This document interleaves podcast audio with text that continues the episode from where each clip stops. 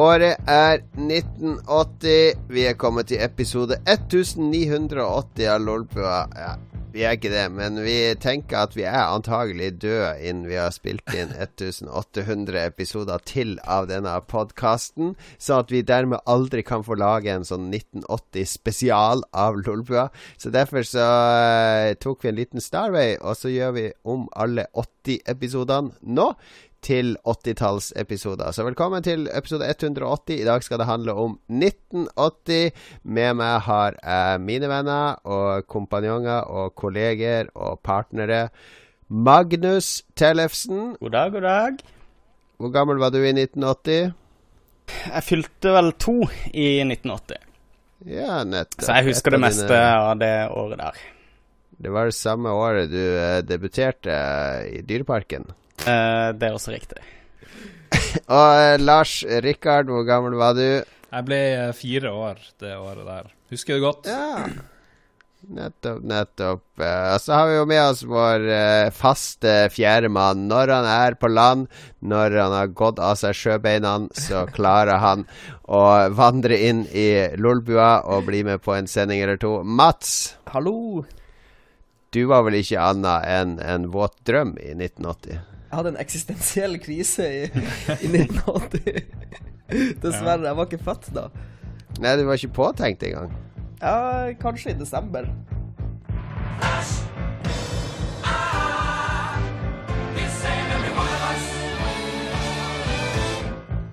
Vi har skalert ned på de vanlige spalten for å fordype oss i, uh, i året 1980 denne gangen.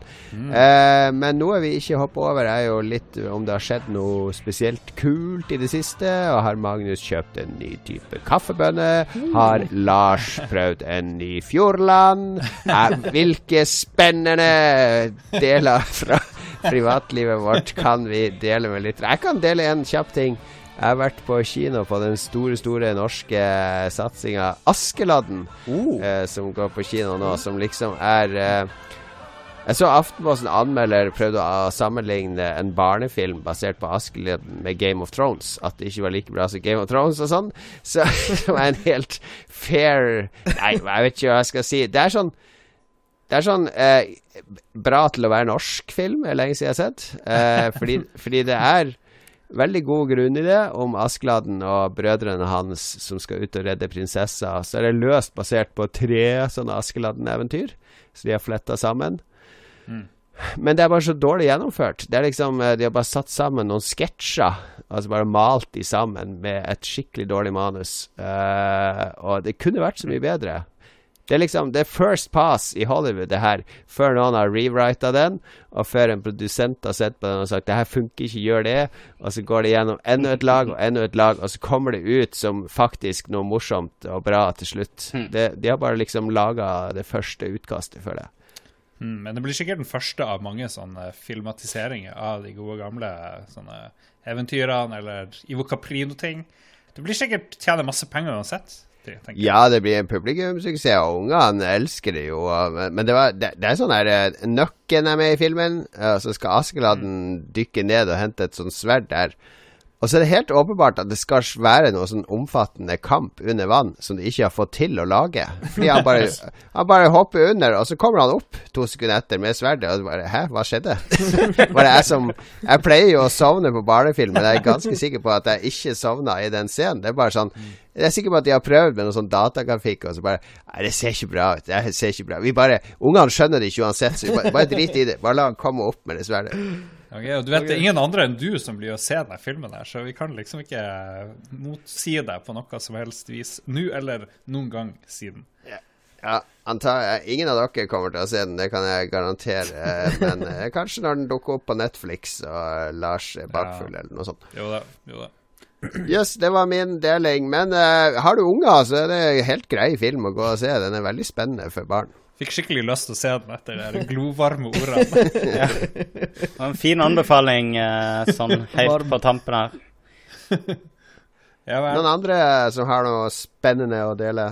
Vi har brygga øl, Mats. Ja, vi hadde uh, brew session i går. Ja, Oi. vi kjørte på. Nå har vi lagd eh, satt juleøl. Oi, det var litt av en dag i går, for vi hadde sånn utviklingslag på et vis. En ja. kompis som slo opp med ei dame. Lørdag.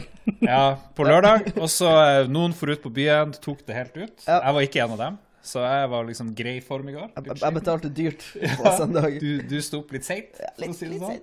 Eh, og så skulle vi liksom brygge øl, da. Jeg vet ikke om På søndagen. eh, lysten til å brygge øl var så stor blant alle. Nei, vi hadde men, satt, eh, eh, vi hadde satt eh, klokka ett, tror jeg. men jeg og du, det stilles ikke så store krav til oss eh, i det ølbryggeopplegget. For Vi vi, er har sånn en meksikanere. Ja, vi, vi fant ut vi er the Mexicans. Vi bare sto og holdt en sånn slange. vi, vas vi og- vasker ting og, Ja, ja. og løfter ting frem og Ja. tilbake, og så har vi to mestere som tar seg av det viktige. Og ja, veie og blande og måle. Og, ja. Vet ikke, var vi nettopp rasistisk på sånn Mexico-vis? Jeg vet ikke. kanskje. Send inn til joncatolornsen at gmail.com hvis du syns vi var rasistiske der. Men vi gjorde veldig lite. Ja. Ikke send det inn til meg. Bare meld det inn i, i der Nordisk Front eller noe sånt. Uh, men det er gøy å brygge øl. Spesielt når du kan bare ligge og spille mini-SNES-ting. Snes, eh, Men uh, når ølet øl er ferdig, hvor lang tid tar det, den prosessen her? Nei, det var um, Jeg tror det er ca. to uker nå, så skal det stå og gjære og, Mm. og kose seg. Og så skal vi ha det over på flaske. Uh, og så tror jeg det skulle stå én måned på flaske, faktisk. Han var ganske uh, lenge. Den første batchen vi lagde, skal bare stå to uker på flaske, så denne skulle stå dobbelt så lenge. Så vi har, vi har den ute i november en gang. Da kan vi drikke jul juleøl. Og den første dagen så brukte jeg vel tolv timer, men da var ikke vi med, tror jeg. Nei, Ja. de hadde ikke de gode hjelperne da. Ja. De, og nå tok det vel åtte timer? Ni timer? Ja, noe sånt. Det tar, det tar lang tid. Det tar lang tid. Sånn Skal koke. og- Mye koking. Ja. Har dere shoppa masse utstyr og sånn, eller er det sånn eh, getto-løsning? Jeg har kjøpt sånn her um, automatisk sak som styrer temperatur og med pumpe. Ja. Så vi, slipper, vi slipper ganske mye av det her uh, styre temperaturen. Ja, Mm. Men vi er, det, de driver og måler ting. De driver og De gjør mye rart. Jeg aner ikke hvordan man lager øl. Jeg bare Nei, vet hvordan vi- man holder en jeg og- Jeg og. Lars har funnet ut vi kan ikke ta over prosessen liksom, og, og kaste dem ut av bryggeforeninga, for Ja. da, da vet vi ikke hva vi skal gjøre. Jeg knuste mye sånn her korn Ja. det gjør jeg, i en sånn, sånn mørtergreie. Det gjør jeg. Jeg driver med de der forskjellige eh, typer korn, tror jeg. Ja, jeg driver med de der surdeigene mine, og jeg hadde en lang uh, samtale med en kompis som brygger øl. Vi fant ut at vi egentlig driver med nesten det samme, vi bare kultiverer hver vår ting av den samme prosessen, egentlig. Du får brød, og han får alkohol. Men, Eh, eh, men ja. vi har ikke ja. Men vi har ikke noe ferdig produkt, da. Det er jo det eneste. Vi Ja, det er det som er spennende, hvordan for den første ja, batchen vi lagde, har vi ikke, den står fortsatt på flaske. ja. Så det kan hende vi har gjort noe feil. Ja, ja, ja. Og så har vi akkurat lagd en ny batch uten Ja. at første batchen er ferdig, så Det- vi håper at vi har Vi- gjort alt rett. Vi kan introdusere mye bakterier som vil gjøre det helt katastrofalt dårlig på veldig mange stadier i prosessen. For å si det sånn. Jeg ble- jeg Det blir vel bare et spørsmål om uh, hvor seint på festen der presenterer ølene for folk, Yes. er det ikke det? Ja, Alt, alt går i grisen. Ja, Hva skal øla hete? Det er viktig. ja. Ja, vi har, eh, vi har lyst til å bruke eh, navnet på filmene til Steven Segal Ja, som ja, ja. eh, navn på øl. Out for justice og etc. Marked for death. Si jeg fremdeles vil ha etiketter. Jeg har hatt dritlyst til å lage øletiketter lenge nå, så eh, yes. Konge. Nice. Kan ha en, colab? en collab. Du skal, Ja. få, du skal få øl i, i bytte, Magnus. Det setter jeg pris på. Ja, jeg gleder meg til å få en smaksrapport eh, senere i år når dere skal drikke eh, On Deadly Ground eller Under Siege, eller hva den øla skal hete. Det blir meget spennende å følge med på. Takk for det. Uh, Magnus, hvis du ikke har noe Har du noe annet enn kaffebønner og Jeg, jeg, jeg surdeig å hadde by ikke på? Nei, jeg har bare sånn hipsterdritt nå å melde, tror jeg. Det er ikke så mye annet spennende som har skjedd. Nei, OK. Da går vi over til neste spalte rett etter denne herlige 80-talls-trudelutten. Vi skal snakke om hva vi har spilt i det siste, og så blir det 80-tallet 1980 all the way. Captain, how soon can you land? I can't tell. You can tell me I'm a doctor.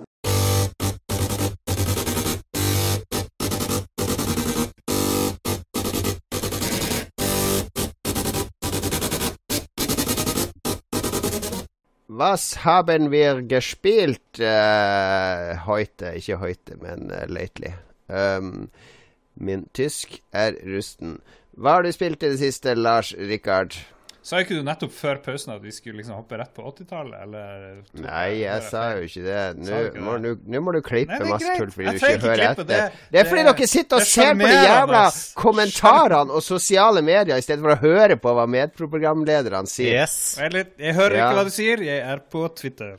Hva er det helt for noe? Ja. Skjerm Skjerm et eller annet når en okay, sitter okay, med øynene okay. festa på skjermen. Greit. Jeg er ikke et Det perfekt eneste jeg ser på, er sendeskjema og dere. Yes. Det er det eneste. Det er, det er der øynene dine skal okay, være. OK, OK. ok Det er greit. Drit i seerne, drit i lytterne. Nå er det oss det handler om. Du kan være sammen med lytterne eh, 24 timer i døgnet, 6 dager i uka. 23 timer i den ene dagen. Den ene timen er via til oss. You're confusing me. ja. Daddy. Å, det ble mye matte der. Har du, har du spilt noe i det siste, eller har du bare vært på sosiale medier? Jeg har spilt det der Golf Story uh, på Ja. eh, Switch, som har fått masse oppmerksomhet. Det var nummer én på bestselgerlistene på Switch. En sånn Ja, mystisk uh, greie. Jeg har ikke kommet så Jeg har spist, spilt kanskje to timer. Spilt i går, spilt i dag. Veldig mye golf. Veldig mye trykke først for å bestemme eh, styrken på slaget, og så spredt kurs den markøren tilbake, og så trykker du en gang til for å, å bestemme hvor nøyaktig slaget ditt er. Og det er veldig mye, det. Og så er det underskru, overskru, dit og datt. I en sånn liksom, verden hvor du er en ung eh, ung-ish eh, golfspiller som vil liksom vise Det er deg et. RPG, da. Et RPG med golf, er det ikke Jeg det? vet da, Ja, jo, for du, har, du justerer skills, så det er jo litt Ja, du sånn går opp i level, og du får utstyr og kølle Ja, og ja. frisbee og sånn. Men det er mest sånn dalle rundt og snakke med folk, og det er ikke noe sånn her redde jorda eller noe som helst. Det var mye, mye rare mennesker på forskjellige golfbaner. Skal du vinne en cup eller noe, eller er det Ja, du skal Ja, det er, litt, det er vel sånn her eh, Du drev og eh, trente golf da du var liten med far din, og så har du liksom ikke fulgt drømmen din, men nå skal du faen meg gjøre det før du blir altfor Mm. gammel. Og noe mer mål enn det eksisterer ikke så langt jeg har kommet. Hvor gammel er du da? Sånn rett før det er for seint. Vill gjetting.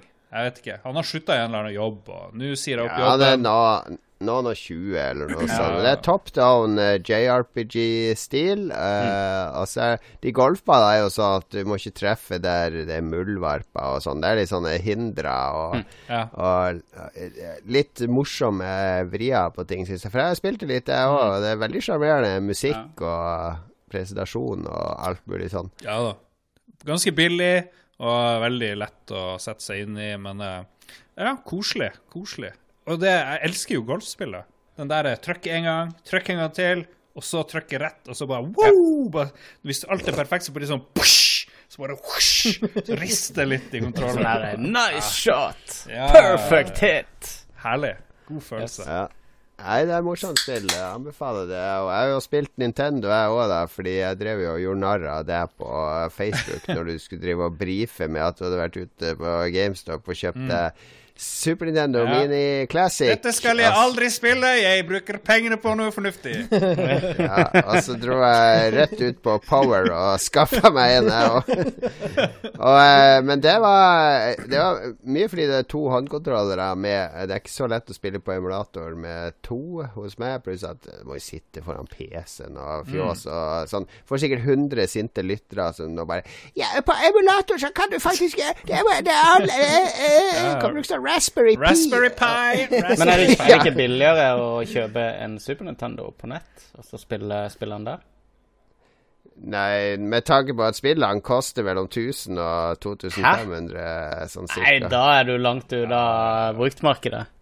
Ja, for jeg tror jeg finner en Final Fantasy 3 så du kan spille Ja, på en norsk Super ja, noen, Nintendo. Ja, jeg er enig i det. Noen av spillene Secret går of Mana. Megaman X. Nei, de går ikke så Det langt. Ja, da googler Megaman X, da. Du sitter jo bare og ser på skjermen din uansett. Nei, jeg- jeg, Megaman X, kom on, kom on. Jeg sitter og ser på skjermen. Jeg sitter og ser på oss.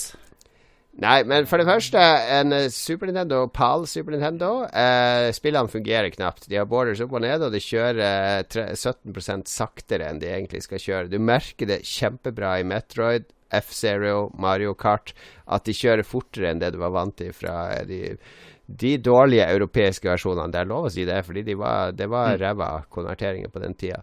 Så du får de kjørt sånn som de var. Du får også sånn rewind-funksjon, lagringspunkt og sånn masse andre sånne emulator-jalla. Men det er mest for at det er så handy, ikke sant? For jeg har den under TV nede i stua med de to håndkontrollene. Dytta inn i TV-benken, sånn som man gjorde før når man hadde konsoller i stua. Og så drar jeg det ut, og så spiller jeg med ungene. Vi har spilt masse Super Mario World og litt Yoshi's Island og Yoshi's Island er så Eh. pent. Jeg, bare, jeg blir sånn her slamslått når jeg ser hvor pent det er i Yoshi's Island Det. Ja, det er mange av de 2D-spillene har holdt seg veldig bra. Men det som ikke ser pent ut, vet ikke om du har prøvd den, er jo Donkey Kong Country. Ser jo helt grusomt det? ut. Det, ja, det som skulle være den der eh, Alle ble sånn wow ja. når de så den grafikken. Den SGI-grafikken på en Super Nintendo. Jeg syns Men eh, Star, Star Fox var det som så uh, eldst ut, på en måte. For det var sånne her semi-3D-greier. Som jo Ja. T-frames chop, i chopper veldig. Ja. Jeg spilte men, men- Donkey Kong Country for ti år siden nå på en Super Nintendo. Da husker jeg at jeg syntes det var dritpent.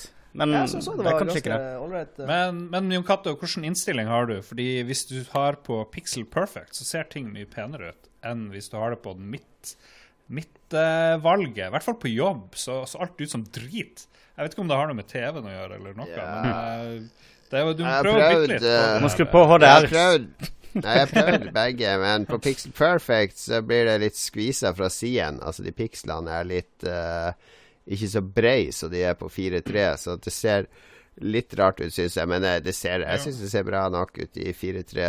Ja, ja. Mm. Ja, det er en kul konsoll. Veldig kule menyer. Og de spillene er jo faktisk bra, alle sammen, Ja, stort sett. utrolig bra Eh, spill. Ja, Og så syns jeg det er ganske bra, ganske bra kvalitet på kontrollene. Ja. Fine knapper. Veldig OK. eh, absolutt. Jeg er helt enig. Ja. Ei bra maskin. Litt overprisa i Norge. Her tror jeg både jeg tror kanskje Bergsala har vært litt hissig på å få litt bedre profitt enn de hadde på den Nes Minien. Og butikkene er også litt hissig på å få litt profitt, for den koster vel 80 dollar i USA og 1500 i Norge. er den togangeren på dollaren den er det ikke så ofte vi opplever i det er forbrukermarkedet. Ja, Men. Jeg vil nesten si det er verdt det. Altså, jeg skal ha den med på hytta nå til helga. Tar- Vi tar den med på hytta neste uke når det blir den store Lolbua-hytteturen. Ai, ai, eh. Eller Harstad-hytteturen. Så da får den nok eh, kjørt seg litt opp i tredje, andre etasjen. Ja, det blir magic. Magic time. Også når vi spiller, yeah. ikke bare når vi har sex. Når, når du har sex. Når du har sex. Med meg sjøl. Eh, ja, det var det jeg mente, Lars. Trengte ikke å unnskylde. Jeg vet at du har sagt nei mange ganger. Det er greit. Det er det, det er det du bruker når du sitter alene i stua, så klapper du hendene sammen og bare All right, litt magic time, spankulerer du ut mot toalettet. Jeg glemte at Mats skulle være med i år. Han begynner å bli engstelig her, ser jeg. Yes, Magnus, eh, går det fortsatt i Divinity? Ja, det gjør det. Masse. Men ehm, vi, jeg har også um, gått litt mot uh, gamle dager med et spillnytt spill. Jeg har spilt uh, Cuphead på Xbox den siste uka. Det er det tegne... Det det ser, som ser ut som sånn tegnefilm fra 30-40-tallet. Helt riktig. Det, det ser helt ut som tegnefilm fra 30-tallet. Um, føltes litt sånn paradoksalt å sitte med en spillny 4K-TV og spille Spille sånn her mono uh, med vilje, blurra og uh, um, støyete bilder og sånn. Men spillet er superbra. Det er absurd vanskelig. Uh, som dere sikkert har lest, jeg regner med de fleste har lest litt om Cuphead på forhånd. Det er vel det eneste hypa spillet til Xbox i år. Ja. Jeg så han der journalisten som prøvde å spille eh, tutorial Ja, han, han som fikk hele Gamergate på nakken. eh, Ja. ja. riktig. Um, Hvorfor det? Hva, jeg vet ikke hva det er. Nei, han sleit skikkelig med spillet, rett og slett. han lagde en video av hvor dårlig han var til å spille. Og så, eh, så var hele greia med at uh, Oh my god, slutt jobben din. Og han har liksom skrevet mange bøker om gaming og greier. Men samme det. Gammel krangel. Spillet er i hvert fall dødsbra. Det er basically 90% bosser du fighter, og alle er sånn her eh, tre, fire, fem faser på hver boss. Du kan stort sett velge mellom en easy og en normal mode. Normal er jo da insanely vanskelig, og eh, easy er sånn ganske vanskelig. Um, Easy-moden fjerner en fase cirka fra, fra bossene, så det er ikke noe spesielt uh, lettere utover det. da. Um, utrolig kult plattformspill. Veldig tighte kontroller. Det utvikler seg fra å være et eh, ja, ganske uh, temmelig utfordrende, egentlig, plattformspill til etter hvert å bli sånn ja, til tider bullet hell, uh, boss fight, sånn kontrastil plattformspill. Kan spille i coop også. Anbefales veldig. Bør, man spille det i coop? For jeg, jeg misliker veldig sånne uh, 2D shoot em ups eller beat em ups der, man, der det er lagt opp til at man skal være to, fordi det blir så mye mer kaos på skjermen. Ja, det, Det er kaos nok fra før. Det er jo en trade-off, da. Eh, Det går an å resurrecte hverandre. Og det er jo greia dette spillet er så ufattelig brutalt på, er at uh, du har tre liv, og du kan kjøpe hjerter etter hvert, da, men uh, um, du har ingen måte i løpet av spillet på å tilegne deg flere hjerter, eller mens du fighter en boss, da. Og hver gang du dør, så begynner du helt på begynnelsen igjen. Så du må liksom perfeksjonere det. Og det, da er det helt sikkert en fordel. Jeg har ikke testa det ut sjøl ennå, men jeg vil tro det er en fordel å ha en kompis som kan resurrecte deg når eh, du har brukt opp hjertene dine. Har du kommet forbi tutorialen? Jeg har uh, klart eh, første verden.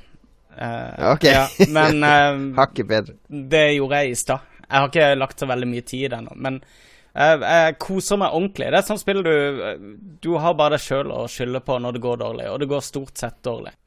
Er det, er det plattformspillenes svar på Dark Souls? Det er mange som sier det, men eh, hvorfor skal alt være Dark Souls, liksom? Det er mer kontra Ja, enn la oss slutte å bruke den sammenligninga. Ja. Please. Bare for å Eh, er litt vanskelig, så er det ikke Dark Souls. Men eh, det er likt med Dark Souls med at eh, eh, hvis du begynner å bli utålmodig, så dør du etter tre sekunder eh, etter at du liksom eh, har prøvd på nytt. da Og det, Sånn kan jo Dark Souls òg bli til tider. Er det sånn eh, Jeg husker jo jeg, jeg var jo en sånn ihuga samler av gamle Disney-tegnefilmer. og tegnefilmer generelt fra den tida her likte jeg veldig godt. eh, og noe som gikk igjen i mange av de, var jo eh, veldig rasistiske karikaturer Ja. av jøder og svarte og asiater og litt sånne krass Det er mye, veldig mye som er sensurert i Disney-filmene fra denne tida. Eh, er det Berører de på noe av det i det hele tatt, eller er det bare Ikke som jeg har oppdaga, men jeg, jeg regner ikke med at de gjør det. Men rent er, er det sånne direkte referanser til Tex Avery eller til Nei. andre sånne serieskapere? Nei, men, men en skulle tro det. Du sitter hele tida og føler at eh, dette kunne det, det, det vekker en viss sånn nostalgi i deg, uten at du egentlig har sett det før. Det er sånn full déjà vu eh, hele veien. Ja. Nei, du vet at i den opprinnelige versjonen av Tre små griser, så kler jo den store stygge ulven seg ut som en jødisk dørselger. Ja, ja, ja. En sånn grådig eh, dørselger. Jeg vokste opp med den uh, tegnefilmen. Og det synet på jøder. Nei, eh, All right. Nei, men Cuphead anbefales varmt av Magnus. og anbefales Anbefales å spille med en venn. To cup.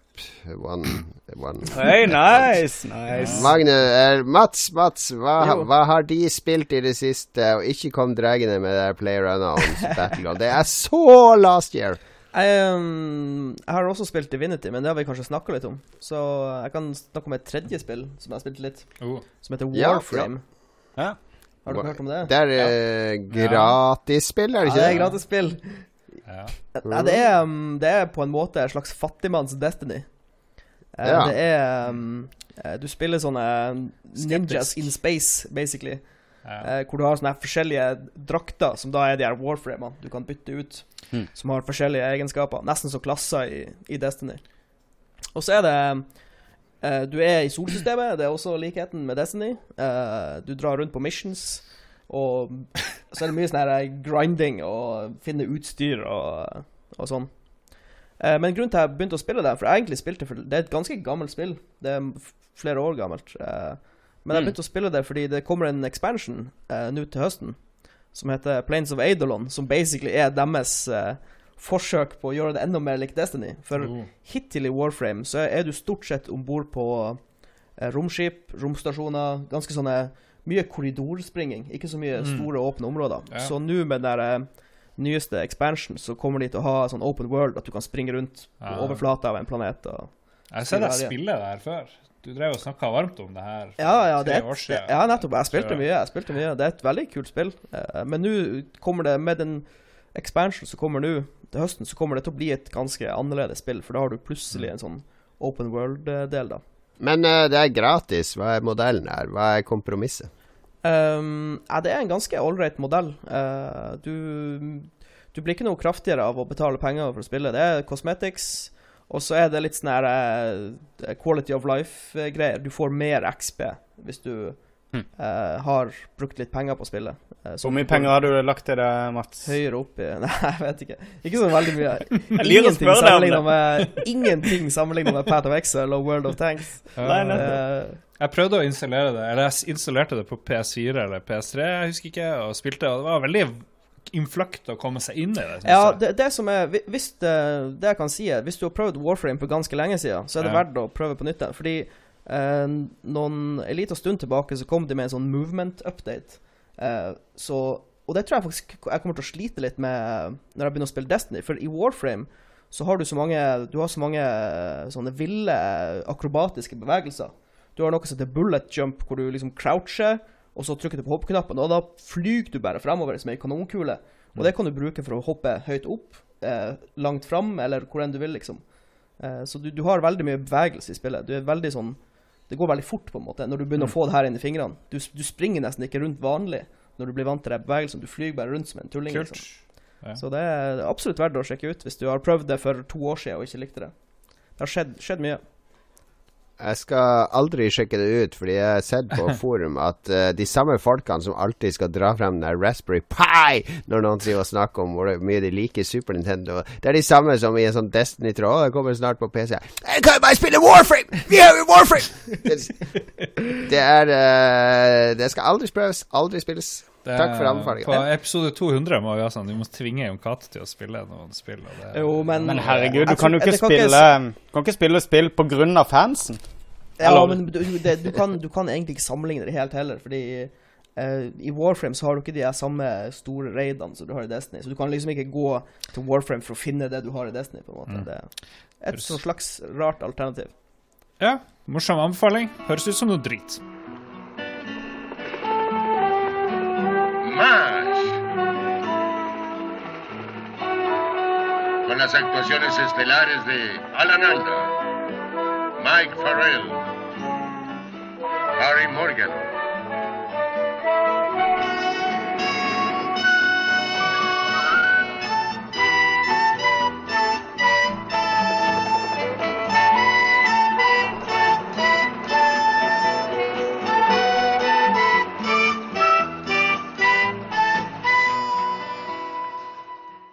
Vi befinner oss i 1980.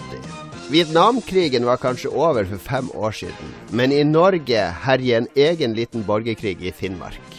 Alta-saken, der lokal og urbefolkning aksjonerer mot utbygging av Alta-Kautokeino-vassdraget, har fått store overskrifter, helt fra slutten av 70-tallet og frem til 1982. I 1980 ble engasjementet til og med spillefilm.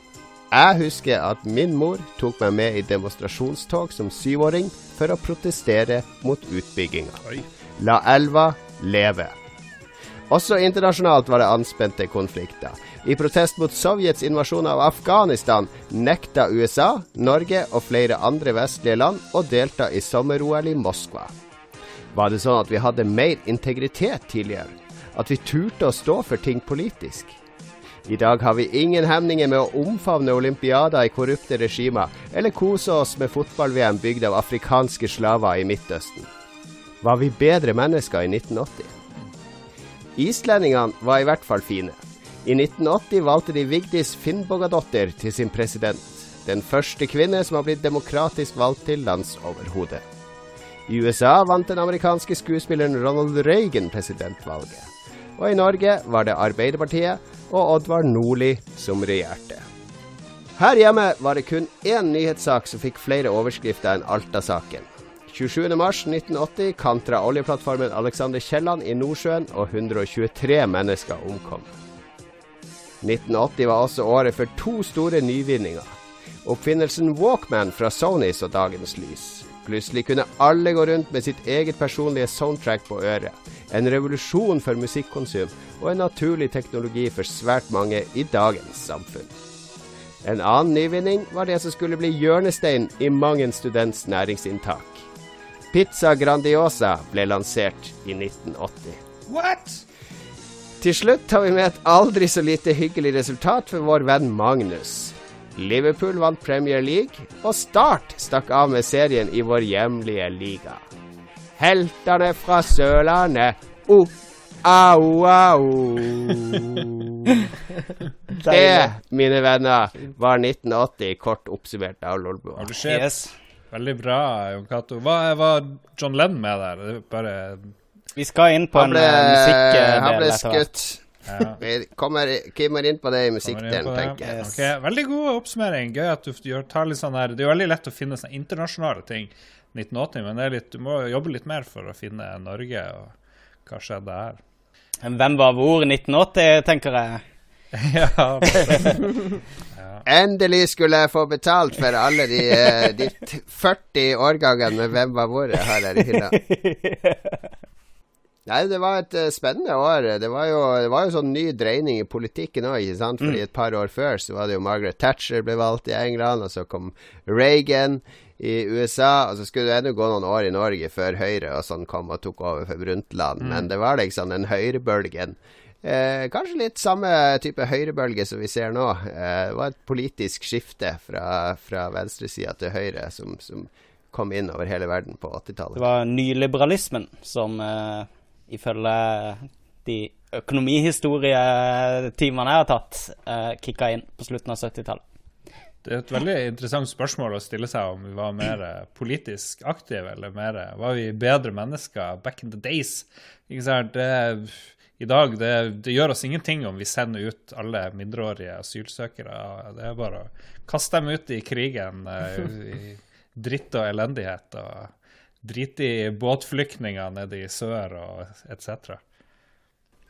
Det var jo større Eller det var masse sosiale forskjeller Ja. som man drev og jobba hardt med, og det gjør det jo også enklere å være sosialt engasjert. Vi har jo blitt kanskje litt latere nå, for vi går ut fra at alle har det like bra som oss, og da er det kanskje ikke like mye Vi kan godt skifte profilbilde til et sånn flagg på Facebook en gang iblant, men noe mer enn det, det blir for mye forlangt. De nevner en del De snakker litt om den tida i denne dokumentaren Punks, som jeg snakka om her forleden. Den eh, NRK-dokumentaren. Da snakker de om at eh, at eh, du hadde barn Altså du hadde et barnevern som ikke fungerte i Norge. Så du hadde liksom hjemløse barn helt nede i sånn ni-tiårsalderen som, som bodde på gata. Og, så det var, det var en veldig annerledes virkelighet. Og det er en grunn til at eh, det var så mange sånn kulturelle revolusjoner som kom nettopp i, på begynnelsen av 80-tallet, pga. at ting var ganske møkkete all over, egentlig.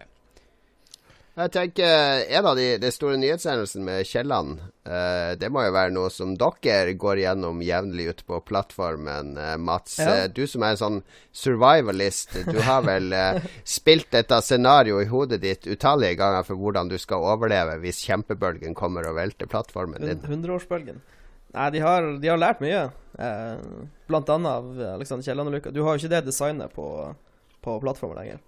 Eh, og Nei. Alexander Kielland, det var faktisk ute på Ekofisk det skjedde. Det var med Edda-plattformen. Det gikk ned. Så det, mange av de jeg jobber med, hadde kollegaer som døde på, på den ulykka. Yes. Hva skjedde, hva skjedde egentlig? Jeg husker ikke. Det bare Nei, det, var, det var et uh, tretthetsbrudd i den ene foten. Ja. Og når den foten røyk, så velta den bare opp ned. Og det var jo masse folk som lå der og sov. Så de, druk, de drukna bare, basically. Det var en ganske stygg ulykke. Mm. Ligger den enda under vannet der? Og... Nei, jeg tror den har blitt heva og tatt inn til land. Og. Ja, han ble, De brukte vel 25 millioner sånn, på å få den inn på land og Det, er, analysere det, er ganske, hele det er ganske grunt på Ekofisk. Det er bare 50-60 meter ned til havbunnen. Så. Så hadde du Kaldonienbrannen i Kristiansand. Jeg vet ikke om dere husker den. men Det var Kaldonien hotell eh, brant ned. Og det var, det var sånn her, eh, sånn her mini eh, 9-11 med folk som hoppa ut fra øverste etasjen og døde. Og det var dødsmange som døde av det. Det var sånn brann.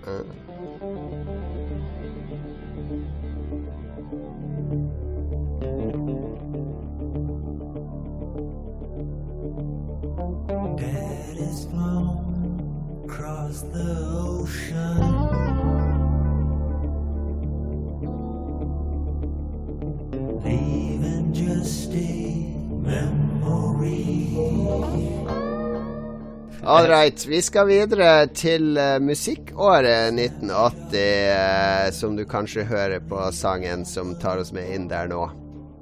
Sangen 'Kill All The Babies' av eh, Nei, jeg vet ikke. Hvordan er det jeg, jeg gleder meg til å høre på hvordan musikk som var inn i, på, i 1980, for det har jeg ikke undersøkt sjøl. Hva var liksom Det greia? har, eh, det har Magnus tatt en nærmere titt på. Ja, jeg har sett litt på eh, både internasjonale hendelser og, og eh, norske, eh, norske eh, hitlister fra eh, 1980. Og jeg har sett litt på bare ting som skjedde i løpet av 1980. Det var jo det var flere digre navn som, som endte sine dager i 1980.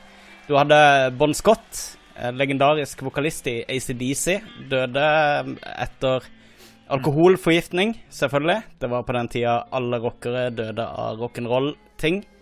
Ehm, han ble erstatta av Brian Johnson samme år, og samme år så ga de ut uh, Back in Black, som er tidenes nest mestselgende album. Så det var en del som skjedde der. Um, det var Michael Jacksons thriller som har solgt mer, faktisk. Så det var, det var egentlig kanskje greit. Ja, det var awesome. Jeg har alltid likt uh, Bon Scott uh, bedre enn Brian Johnson, men, eh, men eh, jeg tror nok lommebøkene de sine syns det er like greit, i hvert fall. Eh, John Bonham, trommis i Zeppelin, klarte også å, eh, å eh, stryke med i 1980. Eh, han ble funnet død på ettermiddagen dagen etter ei sinnssyk fyllekule. Um, han ble plukka opp av manageren sin på morgenen fordi de skulle på øving, og da insisterte han på frokost først.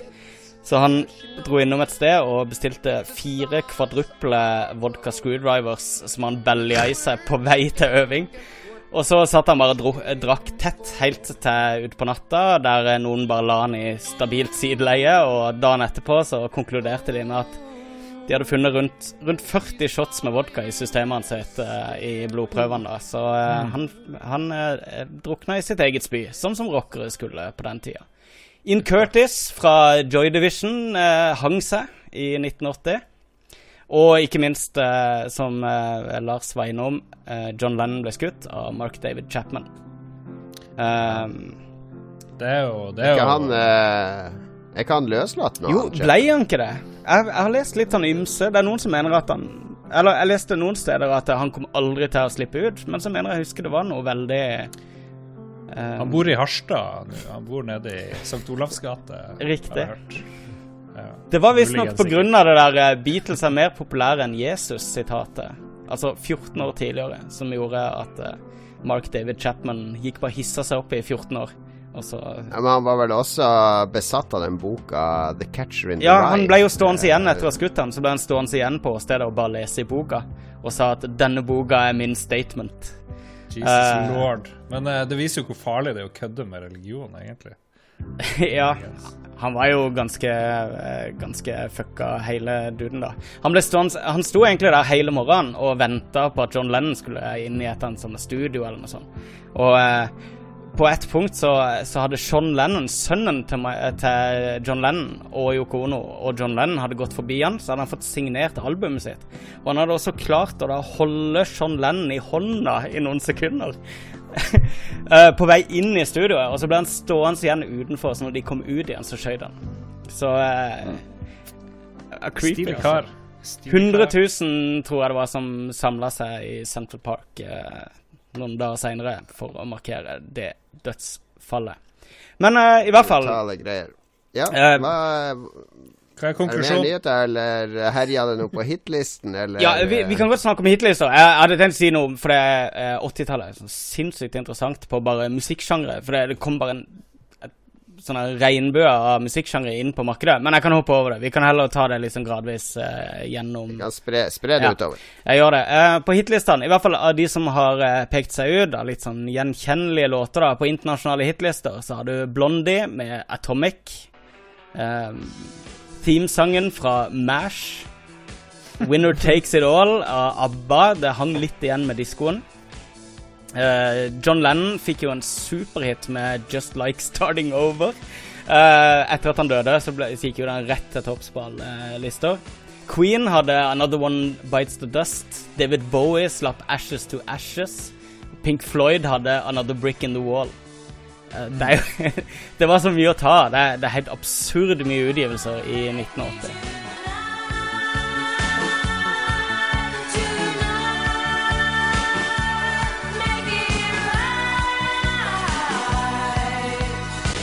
Jeg fant meg en spilleliste med musikk fra 80-tallet. Et sterkere musikkår enn bokår. ja, det kan vi si. Foreshadowing. Jeg ble sittende og høre på Bette Midler sin eh, The Rose, eh, da jeg fant en sånn Ja, spilleliste fra 80-tallet. Nice. Jeg ble u, liksom rart rørt av den sangen. eh, Så oppfordrer alle til som vil føle seg lettrørt, finne lyrics og Bette Midler-sang. Og en eller annen film som ingen husker, da, som også heter The Rose. Det var jo veldig mye eh, filmmusikk som, som toppa listene overalt. Og i Norge så var det veldig mye coverlåter. Altså, det var at de lagde De lagde typisk en norsk tekst på en amerikansk sang, og så, ja. så toppa de listene i Norge. Det var liksom den gamle modellen å gjøre ting på, da. Arne Bendiksen var konge på å oversette de. Yes. Jeg hørte Inger-Lise Rypdal som synger den Fugees-låten eh, 'Killing Me Softly'. Ja. Eller det var egentlig en gammel soul-låt Ja. med eh, Sangen han sang var min egen. ja. Ja, du, du har massevis av eksempler på eh, spesielt altså i 1980 på topplistene. Men jeg, jeg tok litt andre låter som um, fra en, Det heter jo Norsktoppen back in the day i Norge. ja. Um, uh, årets norsktoppmelodi ble kåra. Det gjorde de hvert år. Det var Anita Skorgans 'Stjerneskudd', som var henta fra Melodi Grand Prix. Jeg har valgt å ikke gå inn på Grand Prix, for det, jeg forsto det sånn at uh, kanskje dere, dere hadde lyst til å gjøre det. Men uh, andre låter som kom der, som toppa listene, var uh, The Kids med 'She's In Love With The Teacher'. Jon Cato. Oh, før, ja. eller 'Hun er forelska læreren', som han egentlig heter. Var det 1980? What? Yes, det er 1980. Grete Kausland hadde 'Teddyen min'. Det er umulig å glemme den låta der. Primavera hadde den fin da. Tramteatret, jeg tror de hadde tre eller fire låter de toppa listene med det året der, og blant annet Serum Serum. Yes, du unngikk eh, elegant Melodi Grand Prix, men alle vi som var, var mer enn to år på den tida, vi husker jo at det musikalske høydepunktet hvert år var jo Melodi Grand Prix. Det er verdens beste låt, og verdens beste musikkland skulle kåres. Og vi husker jo alle Norges bidrag i 1980. Det ble ikke Anita Skorgan med 'Stjerneskudd'. Uh, uh, Jahn Teigen kom på andreplass. Ja, det ble Hei, oli, loli, loli, lilo, lo, loli, det i lilo, 1980? ah. Hei, oli, loli, loli, lo. Jeg har større kraft enn krøtt.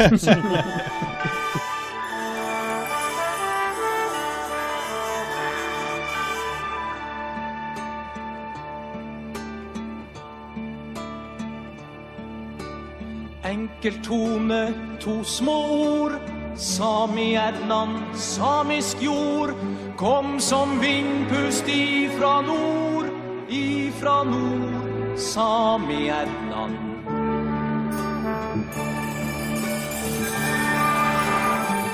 Kan et krav få mjukar form. Sami-Ednan, sameland. Vokste seg fra briste storm, briste storm. Sami-Ednan. Fremfor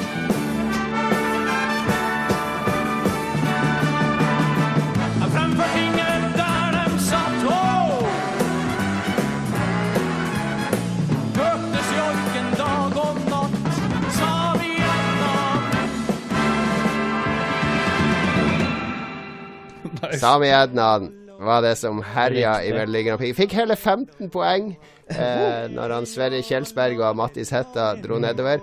Men den blir godt huska i Grand Prix-sammenheng. Eh, eh, vi har jo to venner som er fra Norge, som flytta til Danmark i barneskolen, og gikk der som niåringer da, da denne låten var med.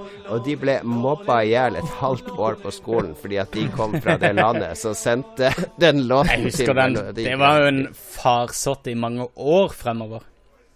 Ja, og det var også et av de tidligste eksemplene på, eh, på litt sånn politisk eh, aktiv Mm. låt i Melodi Grand Prix. Det var ikke bare Genghis Khan eller Waterloo eller sånn fjosekjærlighetslåt. Det var, var litt sånn urbefolkning og Og, og traff vel også en nerve i Norge, i og med at det var den Alta-saken som dominerte veldig. Ja. Riktig.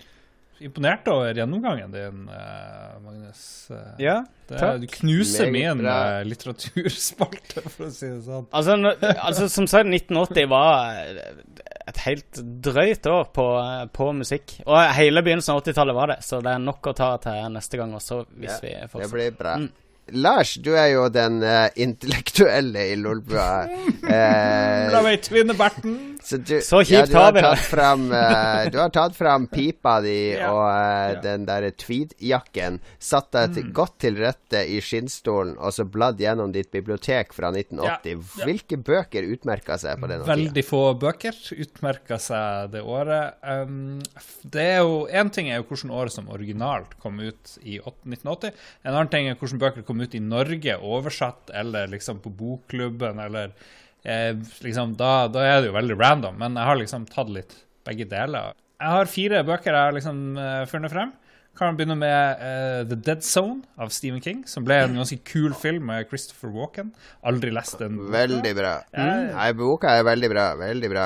Gammel, god King. Ja, både, det var vel flere Stephen King-bøker. Ja, var ikke det Mist? Uh, Mist 1980 også? sto òg at det var 1980, så jeg, Yes. men uh, jeg legger ikke det liksom Jeg blir ikke overraska hvis Stephen King spruta ut masse bøker på ett år, liksom. Jeg tror Mist, Mist var en novelle opprinnelig, så det var vel en del av en novellesamling som kom. Det kan være. Det kan godt hende. Eh, den her, eh, The Board Identity, Robert Ludlum sin eh, Ja, spionbok, bok kom i 1980. Som ble en kjempepopulær starten på en kjempepopulær filmserie òg, sånn 20-30 år senere. Det er jo litt gøy. Mm. Det er litt morsomt med han her What's his Matt Damon. Matt Damon. Matt Damon. Eh, og min, min, kanskje min mest favorittbok, eller i hvert fall nest favorittbok, er den her 'Nissen i hatten', uh, som kom på nytt av og der svensken Elsa Beskow, som er en barnebok. 'Nissen i hatten'. Søk på den. Dere har mest sannsynlig lest den, veldig mange av dere som hører på det her. Sinnssykt bra. Det er sånn tre små nisser som drar og gjør sånne rare ting ute i en skog. Og der Elsa Beskow har jo en milliard kule barnebøker. Ble, hun drev og ble født på 18 1800-tallet. eh, ble sånn her supermegakjendis i Sverige. Jeg vet ikke om hun er like stor i Norge, men liksom foreldrene deres og dere som er litt oppi årene, har garantert lest. Det er jo der Tante Grønn og Onkel Blå og sånne her ting. Ja, ja, er- Ja, ja, nettopp. Ja. nettopp. ja. Ja. Men den her Nissen i hatten, superfan. Og så, um, men en sånn stor favoritt er jo uh, The Sun Also Rises. Jeg vet ikke hvem det var oss som Hemingway. diskuterte Hemingway her om Vi begynte å dagen. snakke om klassikere. Ja, Ja. Uh, Den ble gitt ut i Bokklubben i 1980. Det er selvfølgelig en mye mer Ah. gammel bok, men liksom, forholdet mange i Norge hadde til bøker, kom jo gjennom Bokklubben. Ja. eh, Jo, men som jeg eh, Var det noen som bestilte bøker fra utlandet liksom, og fikk de på originalspråket, eller hvor, var det noe stemning for det? jeg tror det var veldig lite stemning for det. Ja. Altså. Ja. Det, Vi er så bortskjemt nå med Kindle og ja, det, rett fra kilden. det er moderne greier, liksom. Jeg, jeg kjøpte engelske bøker på Narvesen-kiosken i Harstad. Ja. Det var de som solgte Mm. noen engelske pockets. Fortrinnsvis Stephen King og litt fantasy og sånn i et hjørne. hadde Ja, de. men i 1980 så tror jeg det var lite, lite ragging eh, på, på Narvesen etter engelske bøker. Det tror jeg. Det var nok uh, lite av det, ja. Nei, veldig bra uh, oppsummering. Vi skal kjapt innom TV-året 1980. Jeg må få lov å, jeg eh, ja, si hva The Sun de- Also Rises handler om, siden jeg Ja. dro han frem her da, som nummer én-boka. Ernest Hemingway uh, det, er vel den andre, det er vel boka han slo gjennom med, tror jeg. Eh, og Den handler om en sånn dilettantaktig gjeng i Europa som driver og styrer rundt og henger i bl.a. Spania. Eh, hovedpersonen er en sånn eh, korrespondent for en avis i USA. Det var vel basert sikkert på Hemingway sjøl, eh, som jo gjorde veldig mye rare ting i, i Europa i sin tid. Så her drar de rundt, og det er mye, det er mye klassisk Hemingway-greier, sånn som hva det heter, okse, sånn de her bull rides i Pamplona, de her Running of the Bulls. Running of the Bulls, og så er det også mye tyrefekting. Og, og det, er, jeg- det er kanskje, kanskje min andre favorittbok i universet, for det er så bra skrevet. Fremdeles er språket helt sånn absurd bra, tett, konsist. Det er sånn alle har lyst til å skrive en bok, pluss at karakterene er sånn levende. som du aner ikke. Og selv om det her foregår på 1920-30-tallet, eller hva det er for noe, så er det bare Det bare føles som nå, som aldri før. Med den der gjengen som bare reiser rundt og gjør ting. Og problemer med kjærligheten og whatever kan jeg ikke holde på med. Awesome! Les uh, 'Solen går sin gang' på norsk. Uh, 'The Sun Also Rises' på English. Så vil du være sola mi, som det ble sangen basert på boka uh, med Kine Hellevist eh, ble til. Ren løgn. Nei, anbefal. Hemingway er alltid bra. Eh, han, var vel han hadde vel skutt seg for lenge siden når den her kom i bokklubben i Norge, men eh, Jeg husker ikke når han skutt seg. Jeg har vært i huset hans i eh, Key West. By the way. Eh, tatt på en katt som fremdeles levde da eh, Hemingway levde. Du hadde rett angående The Mist, eh, Jon Cato. Det ble sluppet med ei samling som Dark Forces i 1980.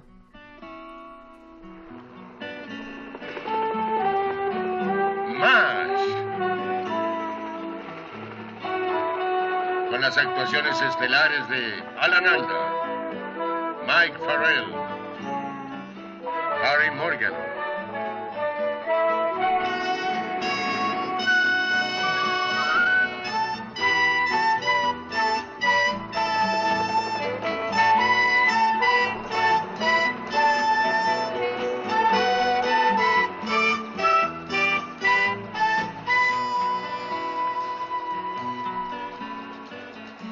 Loretta Swit, David Ogden Stiers, Jamie Barr y William Christopher. All right, vi skal kjapt innom TV-året, fordi TV-serier har blitt veldig viktig i dag. Eh, det var ikke så stort eh, på denne tida, men det dukka jo opp noen perler her og, og der. Eh, vi i Norge var jo eh, så heldige at vi hadde kun én kanal å se TV på, eh, som jo ble, hadde en stor samlende effekt på oss helt til folk begynte med parabol og litt sånn svensk TV inn, og Superchannel og Sky og andre ting som forderva oss. Men TV-året 1980 var ganske magert, eh, det jeg klarte å finne ut av. Fant ut at det var to serier som kom det året som vi har sett i Norge, eller som vi kanskje husker i Norge. Den ene var jo med Magnum. eh, Detektiven, rett og slett, med Tom Selleck som denne bebarta etterforskeren. Jeg tror den foregikk på Hawaii. Eh, Tom Selleck er jo en av de kjekkeste menn med bart som jeg vet om, tror Uten tvil. Topp eh, tre. Utstråler, utstråler maskulinitet og trygghet, og litt sånn farsfigur òg, med den barten, Tydeligvis. vil jeg påstå. Har det far din bart mye, eller? er det bare- Han hadde faktisk bart på den tida, ja, er så min kanskje, du kanskje jeg kjente han igjen. Eh, en annen eh, britisk serie som dukka opp, som jeg, som jeg husker jeg syntes var veldig veldig kjedelig på 80-tallet, når, når mamma og pappa satt og lo høyt av den på lørdagskvelden, det var Yes Minister, Mm. eller Yes Prime Minister, som sesong to eller tre ble Det er en ganske bra serie. Ja, konge. Ja, den har holdt seg veldig bra. Jeg så en episode på nytt her eh, for ikke så lenge siden. Den har holdt seg veldig bra. Veldig skarp engelsk humor. Men som åtteåring i 1980, eller niåring i 81, eller når det var jeg så den Det var ikke så lett å skjønne hva som var morsomt med dette byråkratiet og disse politiske intrigene. Men i Norge hadde vi jo en Igjen er det Sørlandet i fokus. Den fleivere apekatten Julius skulle innta TV-skjermene 1.12.1980 og sjarmere samtlige barn i Norge i senk, som den jula og flere juler etterpå masa på foreldrene om å få en apekatt som kjæledyr i julegave.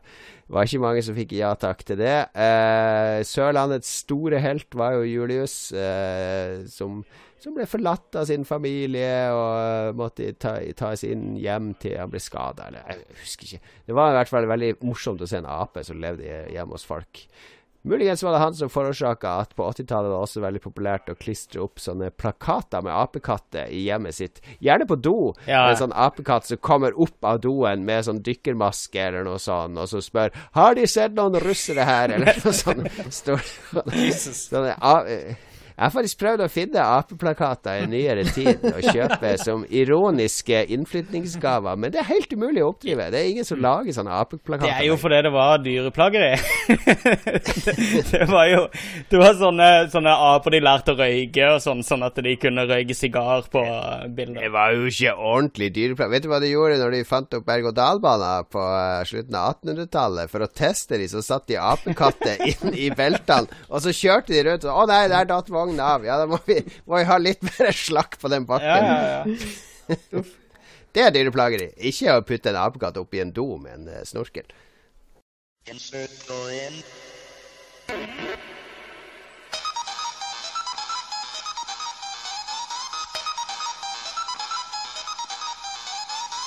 Batman. Batman. Batman Batman. Man.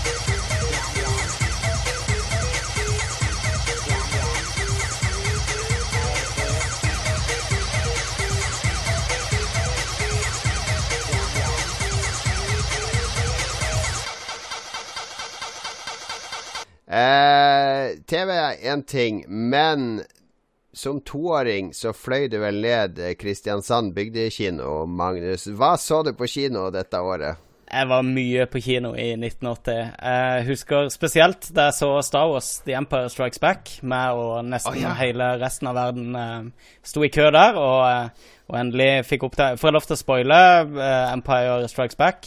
Sto du i Ja, kø som treåring? Toåring.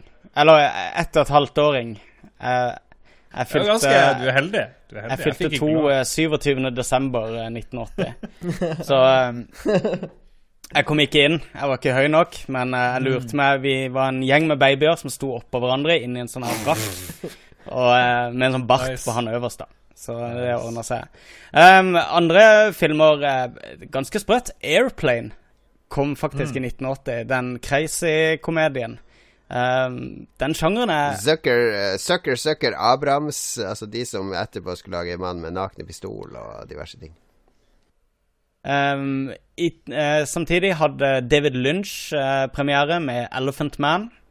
Vet du hva, jeg har ennå ikke sett Elephant Man. Og Lars jeg- så den eh, Ja, vi så den her om dagen. Mm. Ja, Var det første gang du så eh, Mats? Første Eller- gang. Ja, du òg, Lars? Ja, anbefales. Ja, det Gjør var veldig bra film. Kongefilm, faktisk. Ja, jeg ble sittende og se litt på klipp fra han pga. at jeg skulle finne litt sånn lydklipp til det. Og eh, eh, det slo meg at han var eh, Det var veldig fengende, det jeg så. Jeg, jeg tror jeg skal se den frem til neste gang. Det er jo veldig, veldig sann historie òg, da. Det er Stemmer det det. som feiler. Ja, ja, ja. Det er ganske nøye opp mot kildematerialet. Riktig. I am not an elephant. I am not an animal. I am a human being. Um, en annen film som, som prega hele 80-tallet i etterkant, var jo Fame. Det ble jo lagd en TV-serie på den, som er basert på den senere ut på 80-tallet, som eh, skikkelig definerte mye 80-talls eh, mote og eh, musikk og ja. Eh, Fame var vel en Det omhandla en gjeng med ungdommer på en sånn danseskole. Var det ikke det som var Det var en sånn kunstskole i New York Arts, med ja, musikere. Ja, Performing Arts. Jeg husker han der, han svarte som dansa. Han var på sånn her eh, berømt Leroy, i ja. Norge fordi av en eller annen grunn. Ja, han var i Norge! Stemmer det. Stemmer det. Ja, han ble jo hiv-positiv. også. Ja, ja. Ja, shit. Leroy ble Riktig. hiv-positiv. Jeg husker at da jeg vokste opp, så eh, på det ene skapet på barnerommet mitt For vi, eh, da vi flytta inn, så var det Alle hadde sånn klistremerker på, på skapene da vi var små, i hvert fall, på 80-tallet. Og ehm, vi overtok rommet tydeligvis etter en familie som også hadde brukt det til, til noen ungdommer, eller noe sånt. For det, det var en del sånn fame-klistremerker på klesskapet mitt da jeg var liten. Så jeg har minner fra det. Uh, Flash Gordon. uh, ikke minst med den fete Queen-låta. ehm, Princess of the Han, Universe. Han, han Yes. Flash Gordon himself ble en sånn B-skuespiller de luxe. ja. Spilte i ufattelig mye drit. Vi så en av de filmene her. Maximum Impact, eller hva faen heter det? Magisk film. Er på Amazon Prime. Fantastisk. Uh, du hadde jo også Slasher-filmene ble jo også født uh, rundt den den 13.. tida der. Og fredag den 13. kom, uh, kom i 1980, ja, som virkelig satte standarden for tiåret.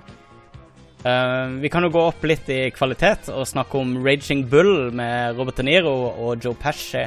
Som, Oi, hvor. Robert De Niro fikk Oscar det året der for den rollen der. Han er jo veldig kjent for Han la på seg noe med 40 kilo eller noe, gjorde han ikke det? Ja, han ble vel aldri helt kvitt i kiloene heller, etterpå. Han bikka en, så han gikk over en sånn terskel. Så han kom aldri ned i den der Travis Bickle-slankefiguren sin fra, fra Taxi Driver. Men for en sinnssyk film. De som ikke har sett Raging Bull Det, er- det, er- en boksefilm. Det handler om en, en sånn legendarisk bokser, da. Og, uh, Jake LaMotta. Riktig. er det vel. Og eh, Robert De Niro lever, eh, leverer en sinnssyk rolle. Både han og Joe Pesci er helt legendariske i den filmen. da Hvis jeg ikke har sett den, så se Raging Bull.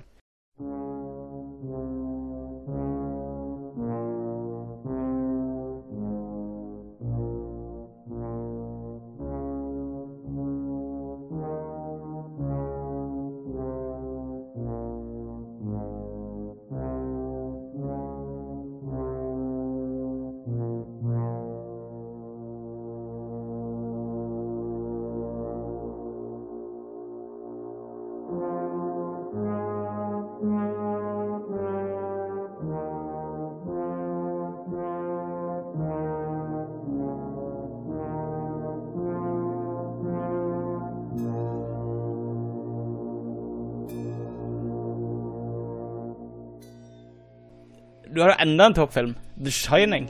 Um, Oh. som uh, uh, ble vist på kino da. Den òg var jo helt vill. Um, betraktelig bedre enn den nye innspillinga, tror jeg vi alle kan være enige om. Kubrick eh, og Stephen King, da. Stephen King var aldri fornøyd. Han liker jo nyinnspillinga bedre Mm. Ja, han er gal i hodet sitt. King er jo en idiot.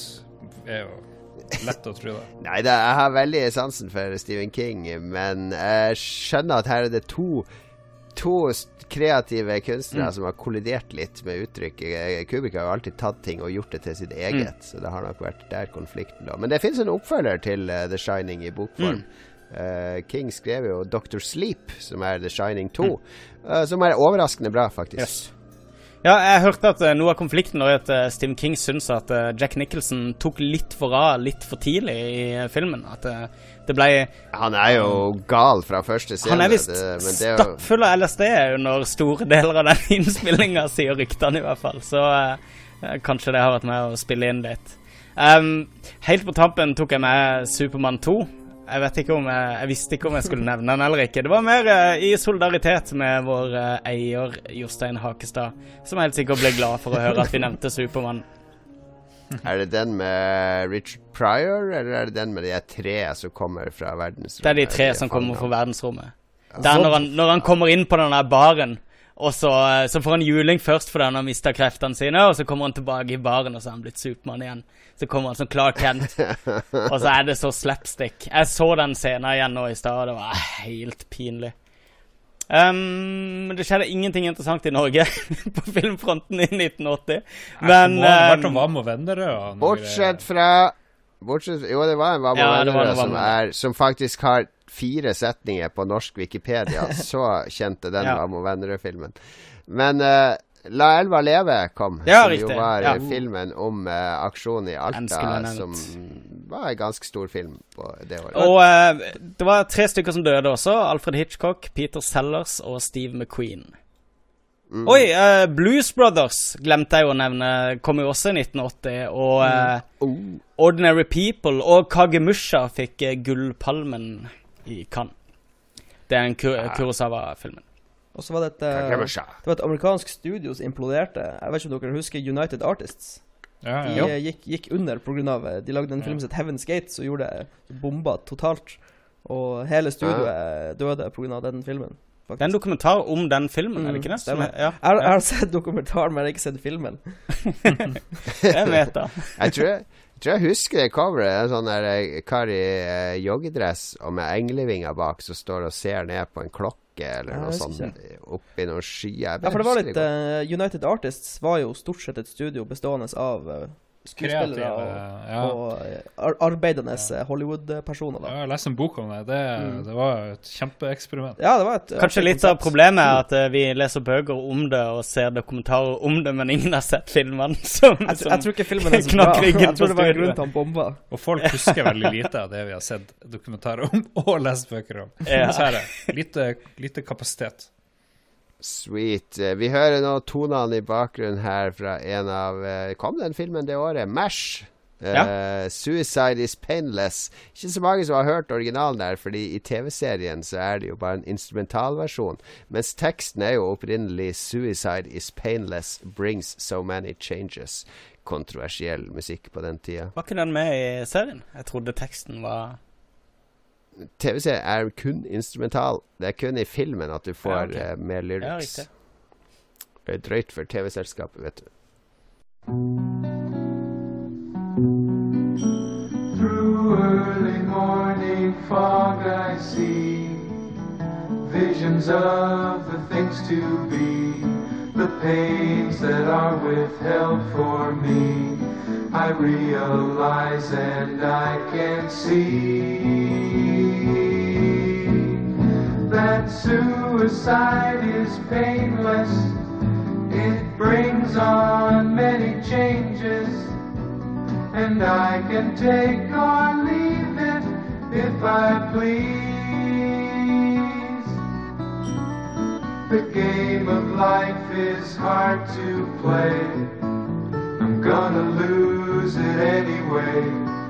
the losing card I'll someday lay. So this is all I have to say. Suicide is painless. Suicide.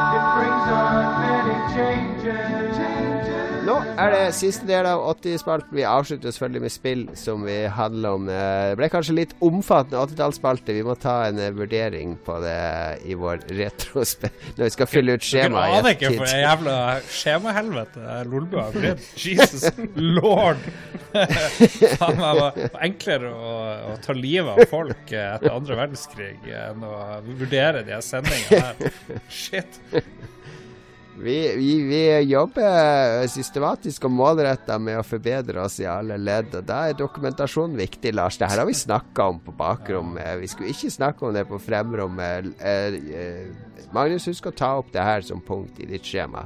At Lars avbrøt sendinga med meta... Lars eh, er alltid på, på redaksjonsrommet mens vi har sending òg. Prosessen mot Knut Hamsun var en, en eh, spasertur i parken i forhold til eh, vurderingen vår. Spill året 1980. Eh, spillbransjen var jo fortsatt eh, på det nyfødte stadiet, kan du si. I 1980 så var det nemlig fortsatt i arkadehallene at de store revolusjonene fant sted.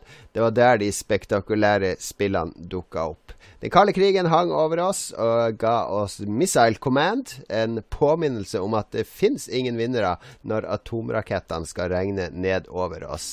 Veldig fatalistisk spill der du skal stoppe atomraketter som kommer mot byer ved å sende opp sånne eh, motraketter som lager eksplosjoner. Det går ikke an å vinne, det blir bare flere og flere av de. Til slutt er verden utsletta. Men de to titlene i Arkadehallen som kanskje setter størst spor etter seg, var labyrintspillet Rally X. Visstnok det første dataspillet med bonusbrett. Jeg husker det magiske cocktailbordet i resepsjonen på Trollhøgda skisenter midt mellom Narvik og Harstad påsken 1981, der en storøyd gutt fra Harstad maste på mor og far om kronestykker hver dag gjennom hele påsken. Nice. Aller største av arkademaskinene var Pacman. Toru Iwatani eh, sitt spill snudde opp ned på spillkonvensjonene. Spillerne gikk fra å jakte og drepe til å flykte. Pacman hadde en universell og tidløs appell, og fungerer fortsatt like bra i dag. Nærmere bestemt i Pacman Championship DX-spillene, heter de vel.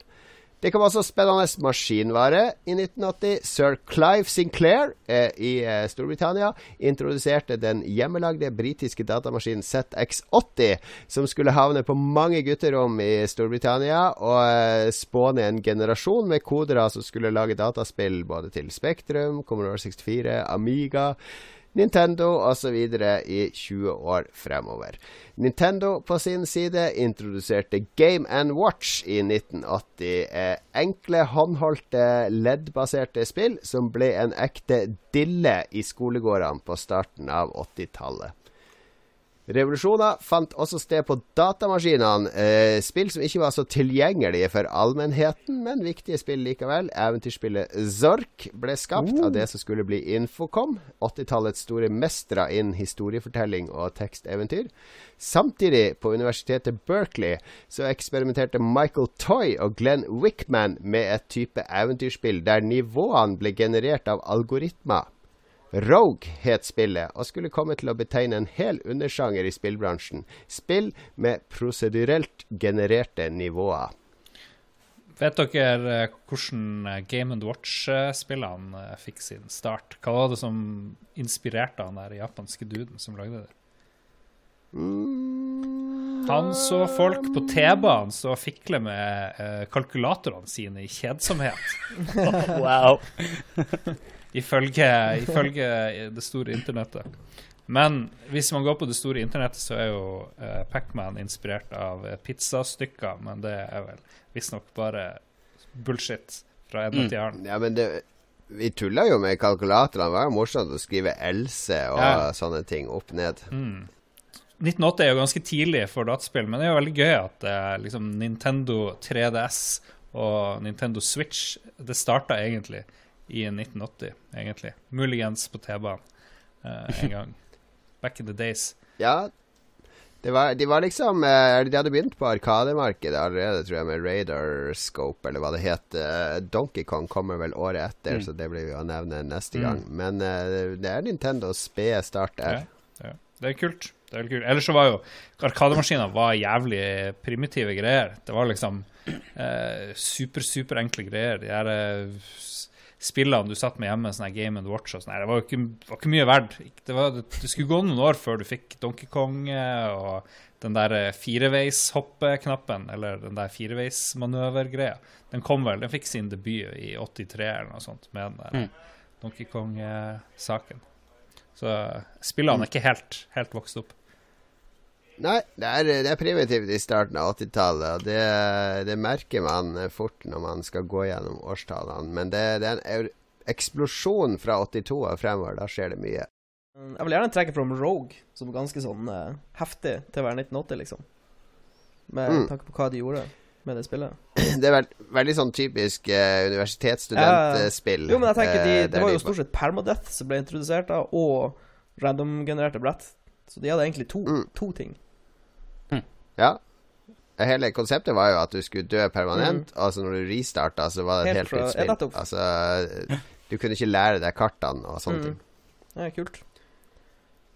Bra, bra, bra. Ja, vi avslutter med lytterne sine innspill, for vi har jo spurt de om minner fra 80-tallet. Og vi skjønte jo når vi lagde den spalten at vi kom til å brenne oss litt, fordi sånn cirka halvparten av lytterbasen vår er jo sånn som Mats. De var bare eh, en tanke i fars pung Rykning i eh, pungen. på, på denne tiden. Så mye tanker i pungen, er det det? Ja, men du, har- du har rykninger. Du har pungrykninger. Ja. Det var en uh, crutch crotch itch uh, på denne tida. Men uh, de kom nå etter hvert. Og, og ting som Altså serier som Stranger Days eh, Nei, hva heter det? Stranger Things. Og, og eh, filmen It. Og er 80-tallet ja, har jo blitt en sånn der eh, Mm. ting, ting vi flørter med i, i dag eh, når det gjelder film og TV-serier og sånn. Ja, jeg tenker du har sånn Ja, du har eh, sånn eh, en uh, renessanse, jeg vet ikke. Ja. Det er mye 90-tall nå, men uh, 80-tallet har jo fått uh, Det er jo en legendestatus på hele 80-tallet. Sånn vi egentlig, når vi vokste opp, snakka om 60-tallet, kanskje. Og 70-tall. Vi fikk sykt mye respons da vi gikk gjennom spillårene fra 86 eller noe sånt, for to år siden. Eller noe i den duren. Ja. Men uh, jeg vet ikke om de samme lytterne er med oss nå i dag. Hva, hva sier lytterne, eh, Lars? Eh, Tommy Wilhelmsen sier eh, spørsmålet var hva er greia du syns var kult med 1980, som jo selv jeg har problemer med å svare på. Men eh, Tommy Wilhelmsen, er et par år eldre enn meg kanskje, eller noe sånt. En av våre Formel 1-dudes. Yes. Ja, til meg og Mats. Eh, plata Iron Maiden fra gruppa med samme navn Ja, ja. kom i 1980.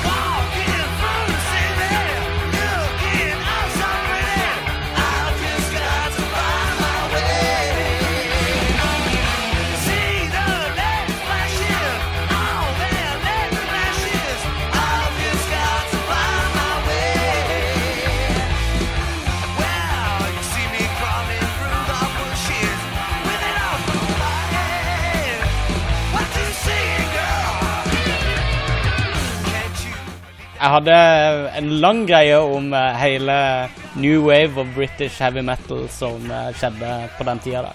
Eh, Judas Priest uh, slapp uh, plate, og ikke minst Ace of Spades fra, fra Motorhead ble også sluppet det året. Det var døds mye som skjedde på metal-fronten i 1980. Ja, de britene eh, la ned fundamentet for det som skulle komme av thrash og speed Yes. og andre ting eh, senere i tiåret. Hiphopen òg var i gang. Uh, Sugar Hill Gang slapp Sugar Hill Gang-plata. Curtis Blow slapp Curtis Blow. Og ja, det var masse som skjedde. Ja. Kom igjen, da. Vær med nå, Magnus. Jeg ser deg hip hop, a hip Det hop. I said til hip hop, and you don't stop. Ok, men Magnus, du kan ta neste innring. Ja. Christian Kjessem uh, sier med fare for å ha nevnt det før i Lolbua-sammenheng. Uh, ingen fare, dette er en retrospalte. 1980 var første gang jeg spilte et videospill. Space Invaders på cocktailbord-variant. I resepsjonen på Sola Strand hotell. Det er bra. Fett. Christopher uh, Ghetto Boys, eh, han husker godt det året. Han var minus fem, som om det skulle vært i går. Men han må innrømme at Star Wars husker han, eller eh, har han i ettertid eh, lagt seg for hjertet. Det og Ondskapens hotell. Ja. Mats Ståle Baldvinsson var med konsollen Intellivision fra Mattel Electronics. Offisielt utgitt i 1980. Skulle være hovedkonkurrenten til Atari 2600. er det Intellivision, Var det der du måtte klistre ting på skjermen, liksom? Og så spille Mm, Nei, jeg tror det var tidligere. Jeg, Ja, det var Magnavox om- Odyssey, Mm. tror jeg. Ja. faktisk, når jeg husker. Ja. Tenk om Mattel hadde klart å markere seg på spillmarkedet på den tida der. De var ganske tidlig ute, da. Er det ikke de som har Barbie nå? Barbie ja. ja, ja. Ja. Jeg tenkte bare primitive innmaten i de maskinene. Ja. Altså, I forhold til mobiltelefonen du har i lomma nå. Altså, det var jo en, en, en kalkulator var jo, er jo mer avansert i dag enn de, de hjemmedatamaskinene eller de spillkonsollene var i Du kunne vel sendt eh, første romsonden til månen òg, kan du ikke det? Med en lommekalkulator eh, fra, fra 2017. Jeg tror det. Omtrent. Eh, vår venn Jens Arthur Leirbakk begynte først å drømme seg bort i Samantha Fox og andre ting, før jeg minnet ham på om at hun ikke hadde Hun var knapt kjønnsmoden Yes. i 1980. Men, så da Men da rygga han tilbake og ville nevne Missile Command. Og sier han gleder seg mer til eh, året 1981. Da- 81 er et bra år, gutta. Da kan han snakke om Cannonball Run. Og Det skjedde første- noe helt magisk i 1981. Ultimaspillet. Ja, da ble du født, Mats. Det var Men, ja. Og, jeg, og det var bare fire år til Marie Whittaker. Men det kommer jeg jo på. Uh, Cannonball Run 2-plakaten som var, hang i USA originalt, har jeg jo innramma på kjøkkenet mitt. her. Og den kom i 1980. Ja. Oh. Ja, det, er- vi dro jo på besøk til noen onkler og tante, Ja. og det som var stort der, det var at de hadde noen sånne eh, tvilsomme blader for 18 år oppover, eh, lett tilgjengelig i huset. Men jeg vet ikke helt, jeg har liksom aldri fått forklart hvordan de havna der jeg fant dem. Men enda bedre, de hadde masse Jack Chan-filmer og uh, Canball Run og Smoke and the Bandit uh, på VHS uh, lett tilgjengelig. Så jeg så jo jeg så de sånn hele somra igjennom. For du trenger ikke noe mer filmer hvis du har Cannonball Run og Smoke and the Bandit og eh, her- Protector med Jackie Chan. Det her forklarer mye. Lars van porno og Cannonball Run og Jackie Chan. Det, er, det, det her er faktisk, eh, vil jeg si, 70% av deg, Lars, som, som har blitt til på grunn av det her. Ja, ja, ja. Forklarer meget mye. Robert Carstensen var seks år i 1980. Big up respect til Robert for å faktisk være født da, i motsetning til visse andre her i bua, som vi ikke skal nevne med navn. 1980 var jo et magisk år for deg òg, Mats, for det var jo da du ble lagd. Så det var Ja. sikkert magisk for foreldrene dine. Ja. Så det var ikke kimse av 1980. Nei. Men uh, han husker ikke all verden, men han har sjekka litt, og han mener at Rubiks kube ble lansert i 1980 for internasjonalt salg. Og den farsotten Nice. sitter meget sterkt i minnet. Han løste den ved å ved å eh, antagelig holde den over litt sånn vanndamp, og så ta av alle, alle de klistremerkene med farger, og så bare lime de på på nytt på riktig side. Som eh, mora hans syntes var meget imponerende at han klarte å løse, og skrøt av det til alle at han- hun hadde en meget smart Men det hadde hun ikke. En Rubiks kube husker jeg jo godt. Det var jo kult. Ja, det var jo en, Ja. det var faktisk en, en kul ting. Jeg lærte meg aldri mer enn ei side, da, men min uh, sønn på 16 han løser hele på sånn uh, ett minutt. Ja, riktig. Uh, han, har, han har sånn speedkube som han driver og trener på, som er veldig, veldig, er veldig glatt og lett å, å, å vri på. Verdensrekorden i Rubiks kube er vel sånn fem sekunder og så videre. Jeg har sett på en del Ja. sånne videoer, og ja, av en eller annen grunn. Ganske Plagsomt. usaklige eh, greier, egentlig. Jeg er mer inne på Men var ikke sånn der uh, jojo og sånne ting? Må jo ha vært Litt seinere. Litt seinere. Ja, ja, men det er sånn senere? dille som kom og gikk. Det, du- kom, det Mm. dukka alltid opp med sånn åtte års mellomrom. Ja, det var Ja. annethvert år.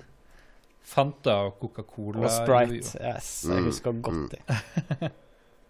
Sistemann ut er Øystein Reinertsen. Shining, slår tilbake, Raging Bull og Blues Brothers. Eh, noe han har nytt godt av i ettertid, for han ble ett år i 1980. Ja. Det litt rare med Blues Brothers var at hun, prinsesse Lea liksom dukka opp plutselig. En av de få eh, rollene hun var i, bortsett fra Star Wars. Det var litt Hun weirdos. spilte i noen, da. Hun drev vel og coka heftig med Ja. eh, et eller annet. Hun var eh, ekskjæresten til Belushi i den filmen og prøvde å drepe han med bazooka og sånn, husker jeg.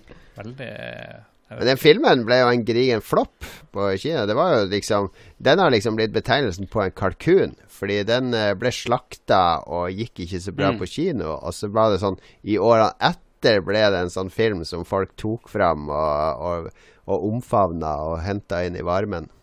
Men det var jo en sånn Det var jo eh, Altså, Blues Brothers var vel basert på Saturday Night Live-characters, var det ikke det? Det var jo henta fra sketsjene. Are you the police? No, ma'am. We're musicians. It's 106 miles to Chicago. We got a full tank of gas, half a pack of cigarettes. It's dark, and we're wearing sunglasses. Hit it.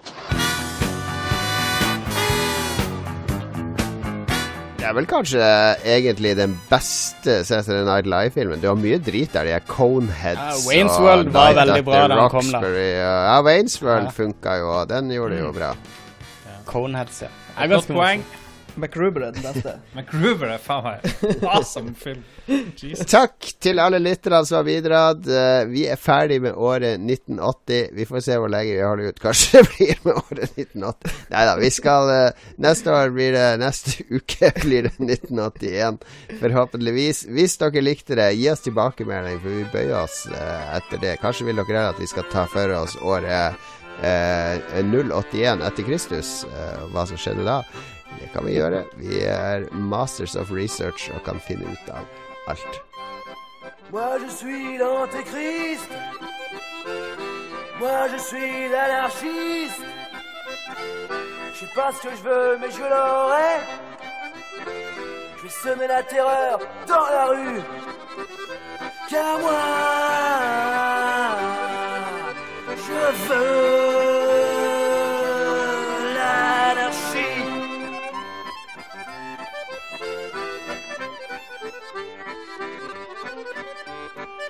Anarchie på Uka.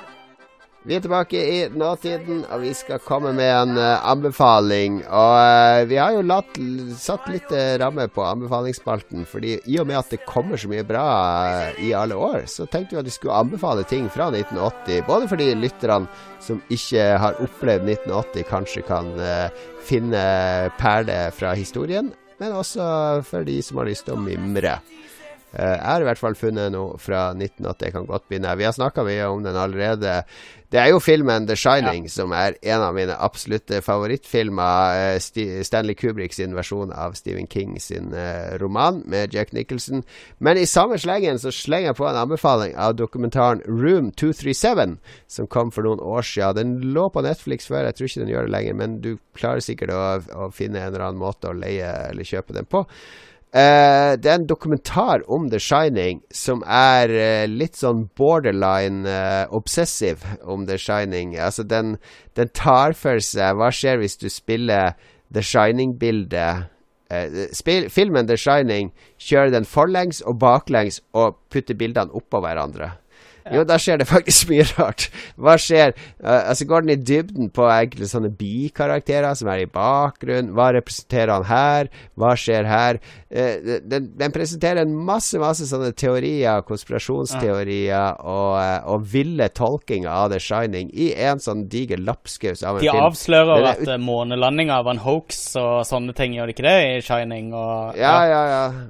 Det, det, det er mye sånn uh, Og det er veldig veldig mye symbolikk i The Shining. Og i, Hvis du har sett den en par-tre ganger, The Shining, og begynt å legge merke til noe av de, f.eks. klærne som han gutten går med, med Mickey Mouse og, og Apollo-raketter og sånne ting, møblementet, dekoret i hotellet, uh, hva de forskjellige karakterene representerer Hvis du begynner å tenke over det, og så ser du en Room 237 så er du Det er hakket før du bestiller deg litt aluminiumsfolie og begynner å brette en trekanthatt og, og høre på Alex Jones og Infowars. Nei da, så ille blir det ikke. Men det er, det er artig, artig å se hvordan en film, en ganske uskyldig film, kan få folk til å tenke så mye og analysere så mye og spekulere så mye.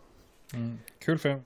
Neste anbefaling, uh, Magnus. Ja. Du er fortsatt i punkens verden. Ja, jeg tenkte jeg skulle hente frem uh, Sex Pistols, uh, som kanskje er verdens mest kjente punkband. I 1980 Ja. så ble det sluppet en på Det var en av de første mockumentariesene som ble lagd. altså en sånn fake news-dokumentar til millennials. som er skrevet basically av manageren til The Sex Pistols, Malcolm McLaren, um, hvor uh, det, er en, det er en skikkelig skitten, rodete, kaotisk uh, mockumentary hvor annet Malcolm McLaren ligger sånn nagen og skrever og blir intervjua i badekaret. Uh, det er en veldig ubehagelig dokumentar, men som egentlig bare handler om at han er den store masterminden bak bandet, at han har manipulert uh, musikkbransjen og Eh, og at alt var bare en plan for å designe punk, for å designe Sex Pistols som et slags sånn boyband. Og dra de opp til toppen av hitlistene for å kunne selge eh, moteklær som kona hans designa eh, i denne butikken Sex i London. Veldig morsom eh, dokumentar. Eh, jeg lurer på Nå er det mange år siden jeg har sett den, men jeg mener jeg husker du får se Sid Vicious i en utrolig rølpa versjon av My Way helt på slutten. i eh, ja. Eh, tingen var at eh, eh, Johnny Rotten hadde allerede blitt sparka fra bandet, så de brukte bare masse gamle opptak av han sammen med bassisten. Eh, og eh, Johnny Rotten har gått ut i ettertid og sagt at det er bare bullshit. Det var bare noe han skrøt på seg. Så samme regissøren, Julian Temple, eh, lavde, en gang på 2000-tallet så lagde han en ny dokumentar som heter eh, The Filth and the Fury. Hvor, eh, som er et slags sånn tilsvar fra Sex Pistols, hvor eh, Malcolm McLaren ikke har fått lov til å narrate hele filmen, da, men hvor de forteller hva som egentlig skjedde fra de sitt perspektiv. Det er, anbefaler å se begge to eh, back to back. Det er ganske, ganske morsomt. Og, Og en, en plass i midten, så er sannheten. ja, mulig. Jeg, jeg vil tro at sannheten er ganske langt unna Malcolm McLaren sin versjon, for å være ærlig. Men, men hvem vet? Han, eh, han var en smarting. The Great Rock and Roll Swindle og The Filth and the Fury der. To dokumentarer anbefalt av Magnus. Eh, Matsui, hva, hva skjer? Jeg tenkte jeg, jeg tar en litt sånn her Lars-cheap Oh, yeah. escape. Jeg vil gjerne anbefale Douglas Adams som person. Ja, han ble født i Han gjør jo- Han 1980. gjør jo ut ei- han gjorde ut- han jo- han gjør ut ei bok i 1980. Uh, uh, Restaurant at the End of the. Hitchhikers-serien. Ja, Restaurant at the End of the Universe. Så jeg tenker enten så kan du lese Hitchhikers hvis du ikke har det, Mm. eller så kan du se på Netflix, uh, så går det en eh, TV-serie Mm. som heter Dirk Gentlys eh, Holistic Detective Agency, Mm. som Mm. også er basert på Douglas Adams-bøker. Så du kan liksom gjøre Hvis du ikke har lest Hitch- Hitchhikers, burde du helt klart lese Hitchhikers Guide to the Galaxy, for den er veldig bra. Hvis du har lest den boka, så kan du kanskje sjekke ut TV-serien på Netflix. Jeg vil anbefale å lese Dirk Gently-bøkene. De er helt eh, geniale. Ja, Hvis du hater bøker, Ja. så er liksom det et alternativ. Men sjekk ut Douglas Adams. Bortsett fra han har litt sånn kjedelig eh, ikke-fiksjonsbok eh, som han skrev om dyrevern og sånne ting. Som jeg Last- kjøpte nei, det var Last Chance to rett See. etter Hitchhiker's Guide. Var ikke det Last Chance to See, hvor han tok for seg sånne udøende dyrearter? Jeg har lest masse utdrag fra den. Den er hysterisk morsomt skrevet. Den er, den er morsommere enn du tror, jo. Jeg husker jeg ble veldig skuffa av den som 15-16-åring rett Ja, etter at jeg hadde lest Hitchhikers. Det er ikke en crazy komedie. Det er det ikke. Ja. Jeg, har, ja. jeg har ingen uh, anbefaling fordi jeg tok den i spalten der det var relevant, nemlig litteratur fra 1980. Jeg Oh, anbefaler jeg folk ja. gjør neste sending. Så bare anbefaler dere det fra hjertet når dere skal ramse opp. I stedet for å ramse opp 20 ting Yes, takk for, takk for dette redaksjonsmøtet. Ekstra redaksjonsmøte i sendingen nok en gang. Terry Jones. beklager. Ja, dere har vært veldig flinke. Dere har vært veldig flinke. Noter ned i evalueringsskjemaet når Magnus. To ganger tok han opp sånn der eh, redaksjons... Passiv-aggressive redaksjonelle kommentarer. Det, det er notert. I will be the greatest president the God ever created. Ja, takk. Vi er ferdig for denne gangen. Vi håper du hadde det gøy med 80-tallsmimringa sammen med oss. Tusen takk til alle oss i bua som har gjort masse research i forkant. Vi har faktisk gjort litt research Ja. denne gangen i forkant. Tusen takk til Lars som har Nei, til, ja, Lars som har brukt eh, ca. 30 timer på å klippe sammen det her med en masse mimring og filmklipp og lydklipp og musikk. Respektabelt. Tusen takk til Mats for at du henta Lars på jobb i dag, så at vi Vær kom oss i gang med innspilling. Og tusen takk til deg som gidder å høre på tompratet vårt. Jeg vet at vi hadde to sånne der uh, Bjørn Wirkola-episoder på rad nå, så da er det bare sånn at Eddie the Eagle kommer og tar over til slutt. Lander på kula. Eh, det blir sikkert bedre til neste gang. Vi snakkes. Ha det bra. Ha det.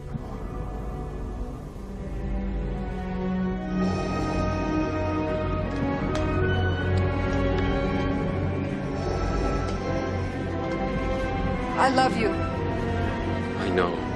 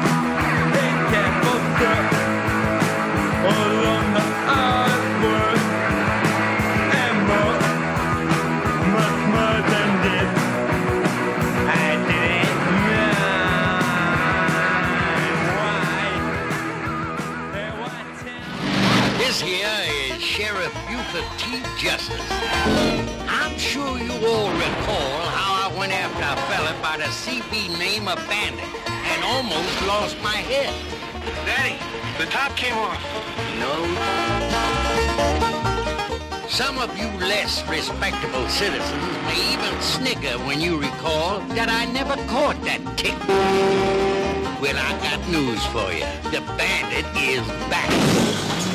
Now, before you go getting all worked up about it, let me reassure you people there ain't no way he's gonna make a fool out of Buford T. Justice this time. Why didn't you have your gun loaded? When I put bullets in it, Daddy, it gets too heavy. This time, folks, he's bitten off more than he can chew. He's taking on a cargo that proves he's gotten too big for his britches. Story of my life. I can turn them on, but I can't turn them off.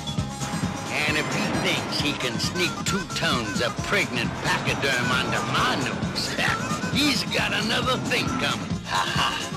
Now we got him in the biggest, baddest trap ever. Cause this time I got help.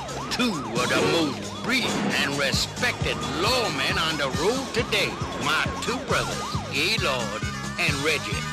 Well, if I can keep... And it don't matter where he goes. It don't matter what it tries to pull. My brothers and I give you our solemn vow. We're gonna barbecue his... Come on, Trigger! Don't let me down now! Universal Pictures presents Burt Reynolds, Jerry Reed, Sally Field, Dom DeLuise, Jackie Gleason, Jackie Gleason, Jackie Gleason, and Charlotte in Smokey and the Bandit Part 2.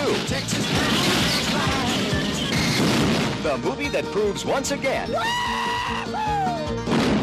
it's not what's in your truck that counts, it's who's on your tail. Har du et enkeltpersonforetak eller en liten bedrift? Da er du sikkert lei av å høre meg snakke om hvor enkelt det er med kvitteringer og bilag i fiken, så vi eh, gir oss her, vi. Fordi vi liker enkelt. Fiken superenkelt regnskap.